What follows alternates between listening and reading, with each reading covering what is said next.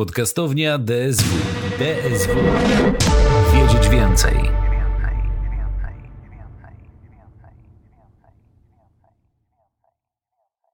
Witamy w kolejnym odcinku podcastowni DSW. Dzisiaj znów rozmawiamy z doktorem Dawidem Głownią, naszym wykładowcą, specjalistą od kina i współczesnej kultury. A dziś tematem naszej rozmowy będzie w opozycji do wcześniejszych zagadnień, o których rozmawialiśmy, kultura dalekowschodnia, a przede wszystkim film azjatycki, czyli dziedzina, która z pozoru wydawać by się mogło, że dzisiaj jest szalenie popularna, natomiast jednak, jak zapewne być może pan doktor nas tutaj przekona, znana w Europie i na Zachodzie od zdecydowanie dłuższego czasu. No i właśnie, skąd wziął się ten fenomen kina azjatyckiego, dalekowschodniego, które w dzisiejszych czasach jest w zachodniej Europie, w tym w Polsce, tak bardzo popularne i tak często chociażby wśród naszych studentów widzimy wielkich fanów azjatyckiej, japońskiej kultury, także koreańskiej czy, czy chińskiej, gdzie dla nas oczywiście te, te różnice wiadomo, że są czasem trudne do uchwycenia, natomiast jednak każdy z tych rynków wydaje się mieć swoją specyfikę. Tak, e, dzień dobry. Miło mi po raz kolejny móc kilka rzeczy opowiedzieć. Dziękuję za zaproszenie, ale sądzę, że nie powinienem przedłużać, tylko przejść od razu do tematu.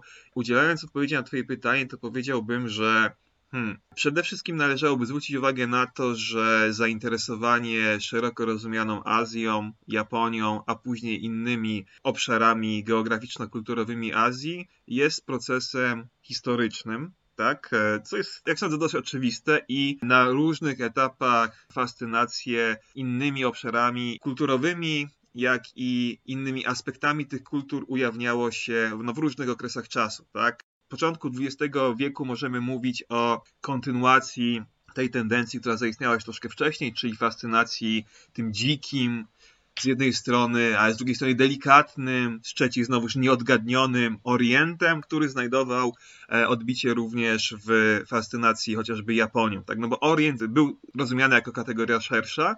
Mieliśmy na początku XX wieku, no i troszkę wcześniej fascynację tą Japonią, która wówczas się otwierała dopiero na świat, bo historycznie Japonia do połowy XIX wieku uprawiała taką politykę skrajnej izolacji, gdzie kontakty z resztą świata, tym e, zachodem szeroko rozumianym, były bardzo ograniczone. W przypadku Japonii mieliśmy tylko od XVII, e, właściwie początku wieku, kontakt e, japoński z Holendrami na sztucznej wyspie Jima i kiedy Japonia się otwierała na świat od drugiej połowy XIX wieku, no to pojawiali się tam coraz częściej jacyś obserwatorzy z szeroko rozumianego świata zachodu, przywozili informacje o tym, co w tej Japonii się dzieje, no i pojawiła się fascynacja japońską sztuką. Przede wszystkim tutaj mówimy o japonizmie, który miał to odbicie w sztukach plastycznych. Fascynowali się zachodni malarze japońskim drzeworytem i tworzyli sobie rzeczy nimi inspirowane, więc to byłby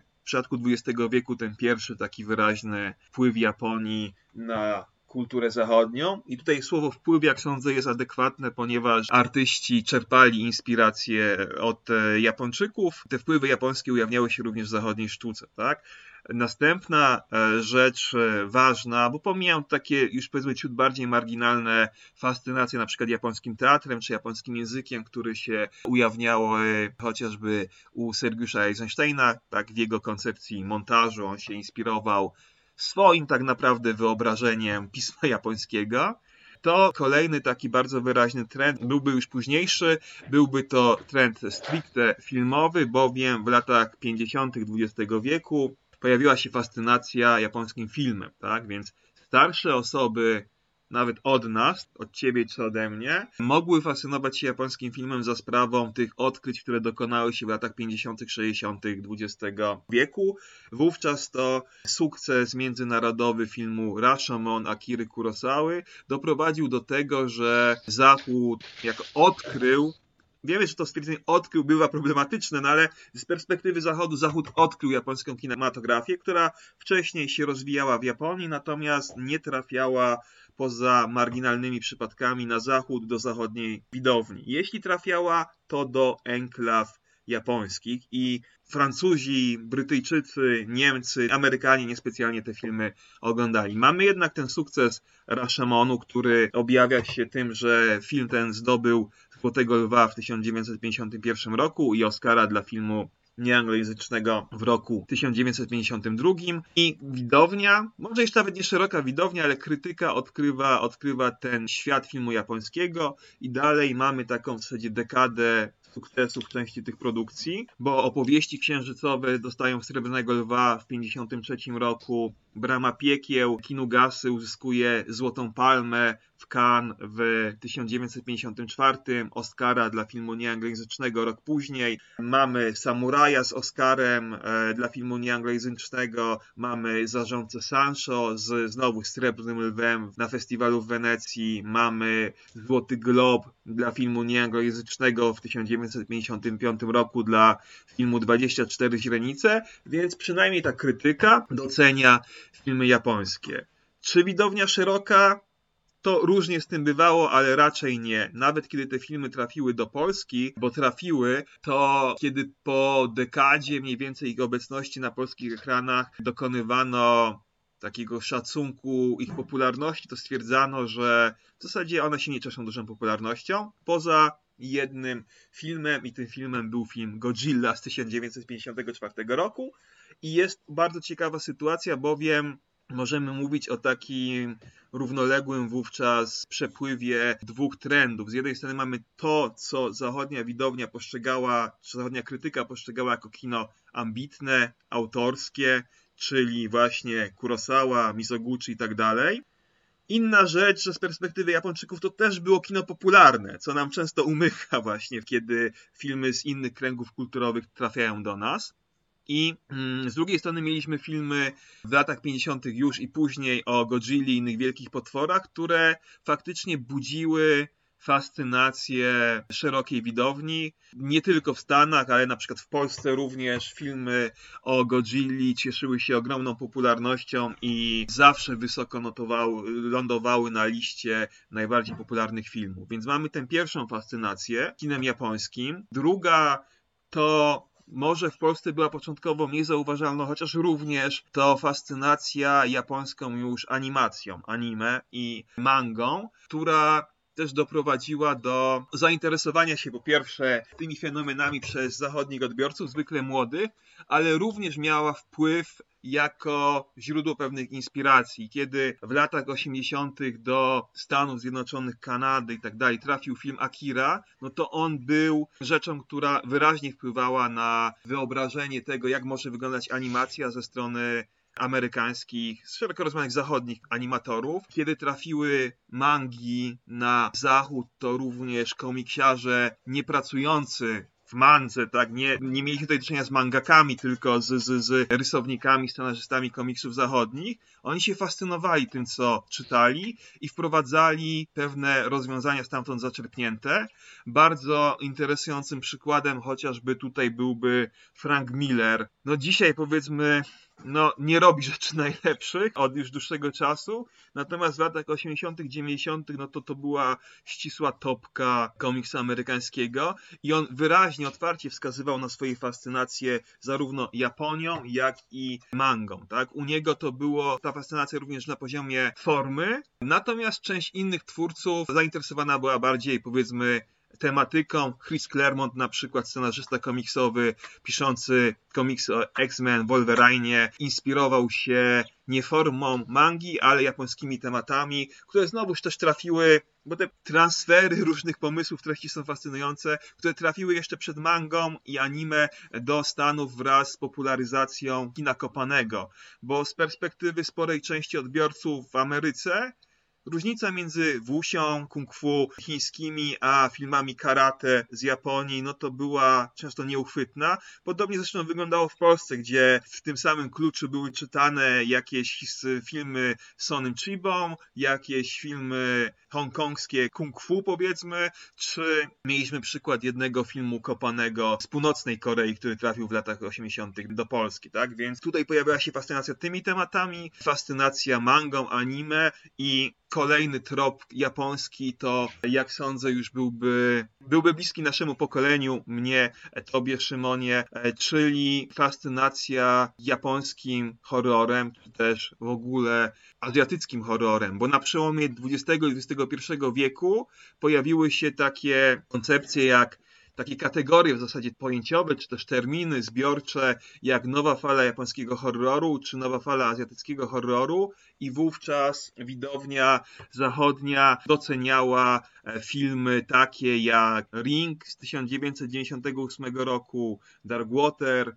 klątwę czy nieodebrane połączenie z Japonii, ale jednocześnie pojawiała się fascynacja filmami grozy chociażby z Korei Południowej, jak opowieść o dwóch siostrach, czy, czy z innych zakątków tamtych rejonów, chociażby Oko. I często te filmy doczekiwały się amerykańskich remake'ów, co stanowi sam, samo w sobie temat fascynujący, bo jest świadectwem, jak sądzę, zresztą nie tylko ja tak sądzę, rozpoznania przez branżę filmową amerykańską atrakcyjności pewnych tematów, pomysłów azjatyckich, ale jednocześnie jest świadectwem takiego przekonania, całkiem zresztą słusznego, że szeroka widownia nie pójdzie na film z napisami i trzeba zrobić remake, który no z jednej strony wyeliminuje konieczność czytania napisów i tutaj nie ma się, jak sądzę, z czego śmiać, bo są różne nawyki odbiorcze, które no, wpływają na to, jak my jesteśmy w stanie wchłonąć film, ale z drugiej strony pojawiały się tam takie myśli, że się troszkę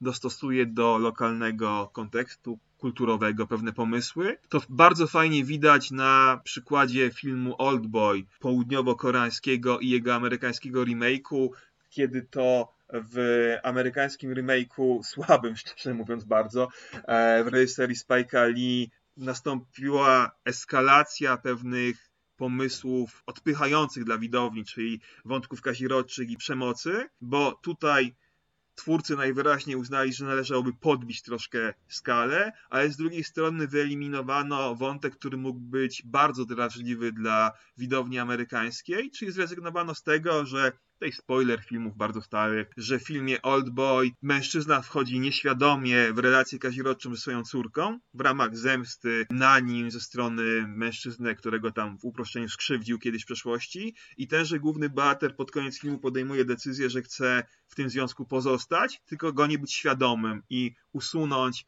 E, tę świadomość ze swojej pamięci, że właśnie żyje w związku ze swoją córką.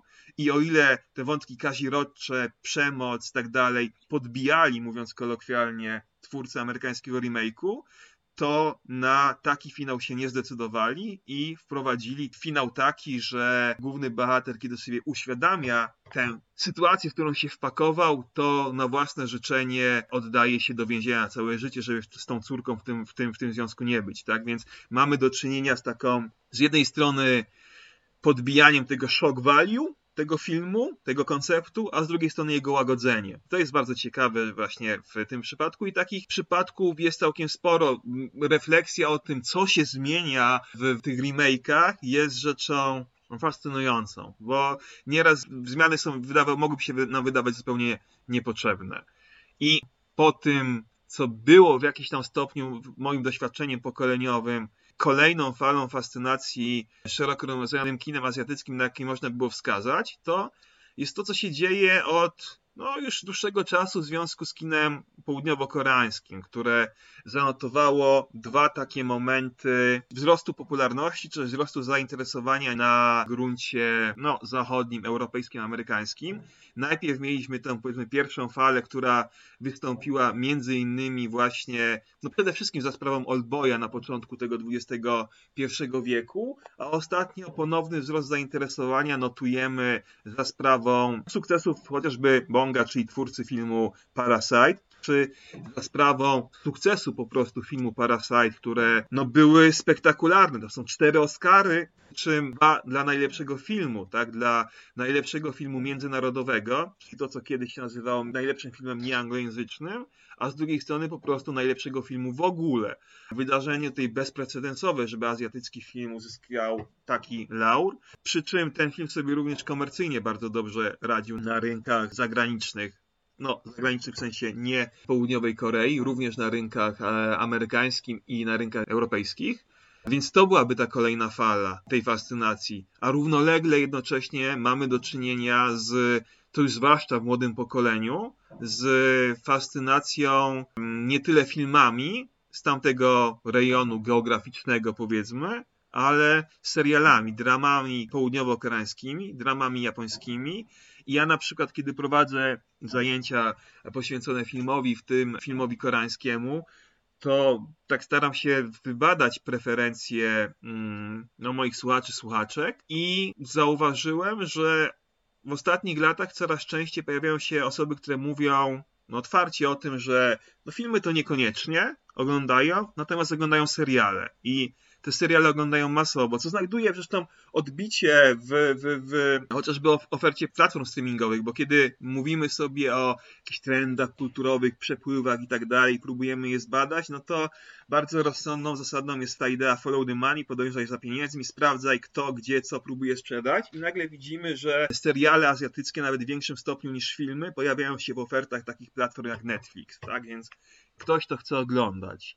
Tak więc konkludując tę już moją przydługą chyba odpowiedź na to twoje pytanie, to ona by brzmiała tak, że nie mamy do czynienia z jednym rzutem, mówiąc nieładnie rzutem, fascynacji szeroko rozumianą kulturą, popkulturą japońską, koreańską, czy chińską, czy w ogóle azjatycką, tylko że jest to proces historyczny, w przypadku którego następują wyraźne przemiany i jak sądzę, moglibyśmy się spotkać w kilka, kilkanaście osób zafascynowanych nawet popkulturą azjatycką, nawet popkulturą japońską. I okazałoby się, że my jesteśmy zafascynowani zupełnie innymi rzeczami, bo ktoś lubi horrory, ktoś tak jak ja, ma przede wszystkim ogromny sentyment do kina klasycznego i nowofalowego, a ktoś na przykład ogląda live action anime, czyli te adaptacje aktorskie mang czy seriali animowanych, które no nie oceniam, ale dla mnie są już średnio oglądalne w większości przypadków. Więc nie ma jednego zainteresowania popkulturą azjatycką, tylko jest wiele ich. Skąd Twoim zdaniem e, biorą się te wszystkie pomysły, które obserwujemy właśnie w tym dalekowschodnim kinie? Bo ma się nieodparte wrażenie, że nie tyle o technikalia tam chodzi. No oczywiście anime i kreska mangowa są w jakiś sposób charakterystyczne, ale powiedzmy, że już też przez Europę przynajmniej częściowo zaadaptowane. Natomiast to, czym zaskakuje, jak się wydaje, to kino, no Parasite jest tu też chyba świetnym przykładem, to są bardzo niebanalne, nieszablonowe często fabuły. To mhm. są często pomysły wzięte czy to z lokalnego folkloru, ale przecież nie tylko, no bo znów wracając do Parasite, no jest to film na wskroś realistyczny, chociaż wydawać by się mogło przez pewien czas tak jest prowadzona narracja, jednak sugerująca, że mamy tam jakiś element e, nadnaturalny. No ale właśnie, my w Europie wydaje się, że jesteśmy z tą kulturą anglosaską mocno związani, chociaż też mamy swoją kulturę, my mamy swoje wierzenia, ale gdzieś to nasze kino wydaje się orbitować czasem w kierunku jakby kopiowania pewnych zachodnich wzorców, o czym zresztą też już się przecież pisze nierzadko w literaturze, że nawet kiedy jest próba stworzenia jakiegoś blockbustera typu Asterix e, we Francji, to -hmm. przecież jest to tak naprawdę slapstickowa komedia w hollywoodzkim stylu, tylko za trochę, na trochę mniejszym budżecie. Tak? Natomiast to kino azjatyckie, czy, czy, czy tym fenomenem są właśnie te historie, te narracje, czy coś jeszcze może za tym fenomenem tkwić, że ta popularność, ta konieczność, chęć importu i adaptacji do jakichś rzeczywistości kulturowej państw anglosaskich tutaj następuje. Historycznie pojawiały się tutaj różne pomysły, no bo każdorazowo pewna interpretacja, wnioski, jakieś namysły, no to są podyktowane tym, co aktualnie się konsumuje, więc jak sądzę, nie ma tutaj jednej uniwersalnej odpowiedzi. Tutaj raczej powinniśmy się koncentrować na pewnych trendach, które są zauważalne i dostrzegamy no właśnie ich zaistnienie. Zastanawiamy się, z czego mogła wyniknąć popularność konkretnej formuły, konkretnych typów filmów, konkretnych gatunków szeroko rozumianej kultury popularnej. I ja wskazałbym kilka takich elementów, które mog mogą bądź mogły być interesujące. Tak? W przypadku tej fascynacji w latach 50., 60. tym kinem klasycznym, po pierwsze, uważam, że to były bardzo wartościowe, bardzo dobre filmy, łączące w sobie zarówno te walory rozrywkowe, jak i często też dające do myślenia, e, świetne warsztatowo, ale co też wynikało z tego, że docierały do nas rzeczy nieprzypadkowe, tak? E, kiedy dokonuje się eksportu jakiegoś dzieła kinematografii, to myśli się albo w dwóch kategoriach, tak? Albo, że to przyniesie zyski, bo jest rozrywkowe bardzo, albo że jest to wartościowy kawał dzieła rzemiosła filmowego i często też myślano o obu tych rzeczach naraz, więc kiedy tutaj trafiał Mizoguchi, kiedy tutaj trafiał Kurosawa, no to to byli twórcy wybitni. Nie lubię przesadnie wartościować w takim zakresie produkcji filmowej, mówiąc, że to należy oglądać tylko kino wybitne i tak dalej, ale to byli twórcy, którzy dostarczali wysoki jakościowy produkt, jeśli można mówić o takich dziełach jako o produktach, więc y, krytyka przynajmniej obcowała z tym, co było najlepsze jednocześnie mieliśmy do czynienia z tym eksportem filmów o wielkich potworach, które no i można z różnej perspektywy oceniać, ale jak na czasy tamte, to jakościowo również stały, powiedzmy, dosyć wysoko. Tak? Jeśli zestawimy sobie produkcję o wielkich potworach Cormana, które Corman produkował, i filmy o Godzilli, no to one dzisiaj mogą trącić myszką, natomiast w tamtym okresie oczywiście stały na wysokim poziomie.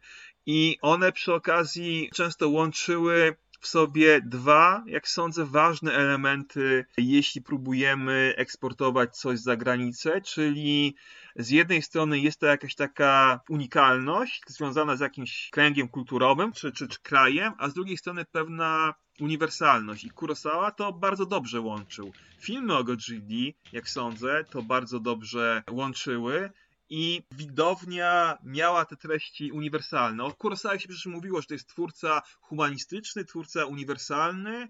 Część twórców filmowych z Japonii właśnie to traktowała jako zarzut względem jego twórczości, że on nie wyraża jakiegoś japońskiego ducha czy czegoś w ten deseń. Więc mamy ten uniwersalizm, a z drugiej strony mamy coś, czego też nie należy nie doceniać, czyli taki powab egzotyki, nowości. Zresztą kiedy w latach 50., 60. eksportowano te filmy japońskie na rynki europejskie, amerykańskie, to jednym z podstawowych kryteriów było to, żeby one były egzotyczne dla widowni. Szef wytwórni Daiei mówił otwarcie, że on wysyła filmy historyczne, bo tym może konkurować Japonia na rynkach globalnych, bo kinematografie europejskie, azjatyckie nie są w stanie zrobić filmu historycznego w realiach japońskich, tak? Nie trzeba konkurować współczesnymi komediami z Amerykanami, Francuzami, Brytyjczykami, bo na tym polu można ponieść porażkę. No tym bardziej, że na przykład humor rzeczywiście często nie jest uniwersalny, więc to, co śmieszy Japończyków, nie spodoba się, czy też może się nie spodobać e, widzowi zachodniemu, więc e, szukano czegoś, co miałoby właśnie taki powab jakiejś unikalności, egzotyki i to dostarczano. I to rzeczywiście wówczas działało. Kiedy w latach 80 90. eksportowano anime, mangę, no to tam też z wielu względów decydowano się na albo import, albo eksport pewnych tytułów, ale tam bardzo wygrywano odmienność od tego modelu i komiksu, i animacji amerykańskiej, europejskiej, bardziej amerykańskiej, jeśli to był eksport do Stanów. I my wiemy, że anime ma ogromny jakby dług względem inspiracji, względem animacji zachodniej, tak? Te oczy wielkie w anime wskazuje się często, że to jest e, w zasadzie jeden z efektów inspiracji Disneyem, że animacja zachodnia bardzo inspirowała twórców e, japońskich, ale oni to przetworzyli na swoją modłę. I kiedy te anime trafiały już na grunt amerykański na przykład, kiedy te mangi trafiały na grunt amerykański, to częstym argumentem było to, że wow, to jest inne, to jest ciekawe, tak? I jeden z powodów tej fascynacji było to, że komiks amerykański był czymś, co było mocno skondensowane narracyjnie, tak? Tam jedną bitwę między postaciami, dwoma drużynami można było rozegrać na dwóch stronach, a manga dostarczała alternatywnego modelu prowadzenia narracji komiksowej, gdzie tam dwie strony nie trwała jedna bitwa, batalia, tylko tam przez sześć stron był pościg pomiędzy motocyklistami. I twórcy tacy właśnie jak Miller się tym fascynowali i doprowadzali do czegoś, co mówiąc nieładnie, było takim rozrzedzeniem narracji, tak? I w komiksach zaczęło być dostrzegalne to, że oni nie spieszą się, żeby w dwóch stronach przekazać maksimum informacji, tylko delektują się tym, że mogą długo pewne rzeczy opowiadać. Nie na taką skalę jak Manze, ale jednak, więc był ten aspekt nowości. Natomiast Później kino południowo-koreańskie też jest fascynującym przykładem, ze względu może nawet nie na jakiś tam folklor, lokalność, no bo to też czasami się zdarza w tych filmach, ale ja pod wpływem namysłu, będącego efektem rozmów z różnymi osobami, też jakby lektury wrażeń dotyczących filmów na chociażby takim, no powiedzmy, że miejscu nie najlepszym do bywania prywatnie, ale wdzięcznym jako narzędzie badawcze, czyli film web sobie tam czytam. Czasem, co ludzie piszą o różnych filmach i zauważyłem, że to kino południowo-koreańskie jest atrakcyjne, jak sądzę, przede wszystkim ze względu na to, że łączy, ono łączy powab jednak egzotyki, ale z drugiej strony bardzo umiejętną adaptację przez twórców południowo-koreańskich rozwiązań, gatunków, konwencji zachodnich, tak? I z tej perspektywy, jak sądzę, to w pewien sposób tłumaczy większą popularność filmów południowo-koreańskich współcześnie niż japońskich, no bo faktycznie jak ktoś mówi, że lubi filmy japońskie, to jednak zazwyczaj ma na myśli te starsze, a kiedy ktoś mówi, że lubi filmy południowo-koreańskie, to myśli o tych współczesnych. Także te współczesne bardziej odpowiadają na takie zapotrzebowanie bycie jednocześnie innymi, a bycie takimi, jakie znamy. No bo jestem tutaj przekonany, że twórcy południowo-koreańscy doskonale adaptują te zachodnie gatunki. Oglądanie południowo-koreańskich thrillerów jest łatwiejsze w moim odczuciu niż oglądanie thrillerów japońskich, ze względu na to, że te południowo-koreańskie mimo wszystko bardziej przypominają te zachodnie. To również spotyka się czasami z krytyką na gruncie południowo-koreańskim, kiedy stosowana jest taka kategoria copywood w odniesieniu do kina południowo-koreańskiego, gdzie krytyka, która bardziej sobie właśnie myśli o pewnej unikalności kulturowej i tak dalej, wskazuje na to, że no, te filmy południowo-koreańskie można postrzegać jako kopie blockbusterów chociażby zachodnich. No nie zgodzę się z tym, że to jest po prostu czysta kopia, ale zdecydowanie wyraźnie widać te inspiracje. I dlatego te filmy, jak sądzę, są dla widowni zachodniej bardziej atrakcyjne niż japońskie współczesne filmy, tajskie i tak dalej. Chociaż i te mają swoich amatorów. W całym tym wyścigu można dostrzec e, pomiędzy poszczególnymi właśnie kinematografiami tego Dalekiego Wschodu jakiś rodzaj specyficznej rywalizacji, bo z jednej strony mamy tę Japonię i tę jej kulturę filmową, która no jest nam już dobrze znana i ma swoje dosyć długie tradycje. Mamy tę Koreę cały czas na etapie rozwoju i pewnego też kopiowania. No a kolejnym jakby imperium filmowym stały się przecież w międzyczasie Chiny, które no widać, że z jednej strony są placem boju, na którym Hollywood bardzo by chciało się, że tak mhm. powiem, pojawiać i, i walczyć o to, chociażby też czy ruszając chińskie tematy, jak, jak w remake'u Mulan, czy, czy, czy próbując też personaliami, jak y, angażując Chloe Zhao do ważnych y, prawda, filmów, zanim jeszcze oczywiście ktoś odkrył jej Twittera z nieprawomyślnymi prawda, mhm. treściami. Mm -hmm. Natomiast po drugiej stronie, no właśnie ta chińska produkcja, która z jednej strony co roku nagle pojawia się w box office'ach, no w zeszłym roku przegrywając, znaczy w 2021 przegrywając w zasadzie tylko ze Spider-Manem, przynajmniej według oficjalnych danych, no ale bardzo często mając dystrybucję praktycznie tylko lokalną, co wynika zapewne trochę z tematyki filmów, no bo jeżeli mówimy o Battle at Lake Changjin, czyli filmie wojennym, który tak naprawdę jest no, historią złych Amerykanów, którzy w trakcie wojny koreańskiej dostają łupnia oddzielnej chińskiej armii. Tak? Bo jakieś tam takie komedie. Czy y, sądzisz, że tutaj za tym idzie jakaś strategia? Ja powiem tak, że wyznaję taką zasadę, zarówno jako osoba tam pisząca i badająca, że kiedy nie jestem kompetentny, to unikam odpowiedzi, więc tutaj udzielę odpowiedzi raczej zdawkowej, zgodnie z tym, co powiedzmy wiem. Wydaje mi się, że fundamentalnym aspektem produkcji filmowej, ale też przy dystrybucji e, w Chinach jest to, że mamy do czynienia z rynkiem, który jest w dużej mierze samowystarczalny. On, jak sam zasygnalizowałeś, jest wręcz takim marzeniem amerykańskiego przemysłu filmowego, czy nie tylko amerykańskiego, bo przecież fabuła ostatniego Asterixa no nie jest przypadkowa. Ten wątek chiński tam zdecydowanie nie jest przypadkowy. I rzeczywiście jest to rynek atrakcyjny dla przedsiębiorstw filmowych zagranicznych, no ale jest to rynek z jednej strony mocno kompetytywny, bo konkuruje się zarówno z produkcjami chińskimi, jak i konkuruje się z bardzo niewielką liczbą filmów zagranicznych. ponieważ w Chinach funkcjonują bardzo restrykcyjne zasady w zakresie tego, ile filmów można importować i jakich. Import dzieli się na dwa rodzaje, czyli ten import, w przypadku którego wpływy z box office są dzielone pomiędzy stroną chińską a producentami i takich filmów maksymalnie można na ten moment, jeśli dobrze pamiętam, 34 sprowadzić rocznie. I mamy oprócz tego filmy, w przypadku których występuje ten flat fee tak zwany, czyli że płaci się z góry określoną kwotę za prawa do dystrybucji filmów w Chinach i niezależnie od tego, jak on sobie poradzi w box office, to się tymi zyskami nie dzieli, tak? Więc e, jest to rynek e, atrakcyjny, ale z drugiej strony kompetytywny.